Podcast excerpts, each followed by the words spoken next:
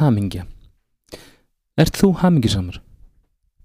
Stór spurning og svarið við henni er byggt á hvernig þú sérð hamingjuna. Sum okkar tengja hamingju við að ná starfsframa eða eignast peninga. Vera mikil smetinn eða umgangast þekta einstaklinga. Aka um á flottum dýrum bíl eða geta farið í dýrt og flott frí. Þessi lista af efnislegum hlutum getur haldið áfram endalust.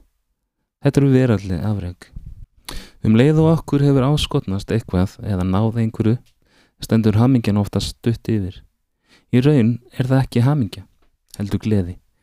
Sum okkar halda áfram þessari stöðu, stöðu leit eftir veralluðu hlutum í leit okkar af hamingunni. Ef þetta er leiðin sem þú ert á eða það er aðstöður sem þú ert í, mun það líklega aldrei færa þér innri frið og þessar raunverulegu hamingju sem þú getur átt dalega. Hugurinn og líkaminn getur aðeins komið okkur áleiðis. Sálinn okkar eða okkar innst í kjarni getur leitt okkur alla leið heim og það er þar sem hinn sanna hamingja er. Það sem er svo frábært við lífið, það er ekki svo mikið um hver við stöndum, heldur í hvað átt við erum að færast.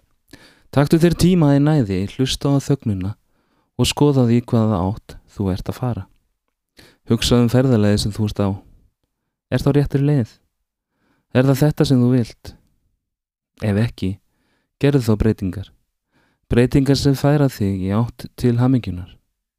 Sönn hamingja er falin í ferðalæginu, ekki áfengastæðan. Hér eru nokkra spurningar sem þú getur spurt sjálfa þig til að komast af stað og byrja ferðalægið þitt til sannra hamingju og tengslu við kjarnan þinn. Hjarta þitt. Kjarnin þinn er sá sem þú raunverulega ert, berskjaldadur. Þú finnur sjálfan þig og hamingjuna með því að skoða hjartað þitt og sálina og hlusta á hvað þér er að segja þér. Þar liggja svörum við hver þú ert. Já, það krefst hurekkis að gera það en áhættan sem þú tekur mun færa þér verðskuldu verlun sem er hamingjan sjálf. Hér koma nokkra spurningar. Númer 1. Ertu þakklátt eða þakkláttur fyrir lífið og ert að fagna framtíðinni? 2.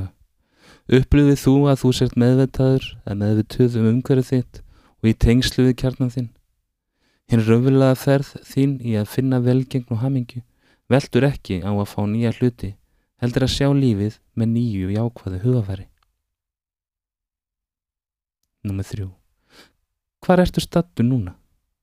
Aðalmálið er ekki endilega hvar, hvar þú ert stattur heldur í hvaða átt þú ert að fara. Þú ert sá sem velur leiðina og ert í aukomasætinu. Það er aldrei var seint að breyta leiðinni. Númer fjögur. Elskarðu og ertu þakkláttu fyrir lífið? Ég hef sannrænt að ef ég er þakkláttur eða þakklátt og elskar lífið, þá mun það elska þig á móti. Það kostar ekkert að reyna. Númer fimm. Hvernig leitar það haminginni? Demandarnir þínir er ekki hátt upp á fjöllum eða hinum með við lækin. Þeir eru í þínum eigin gardi. Það eina sem þú þarf að gera er að grafa eftir þeim.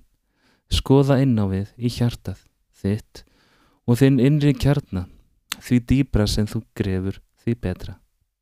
Þegar við sjáum hamingjuna í að lifa lífinu öklabilíkinu, gera það sem við elskum, ástunda þaklandi, vera trú sjálfum okkur, ekki taka hlutina persónlega tala og umgangast aðra með kjallega, gefa okkur ekki einhverja ákveðna forsendur og gera alltaf okkar besta, munum við líklega upplifa sannahamingju daglega.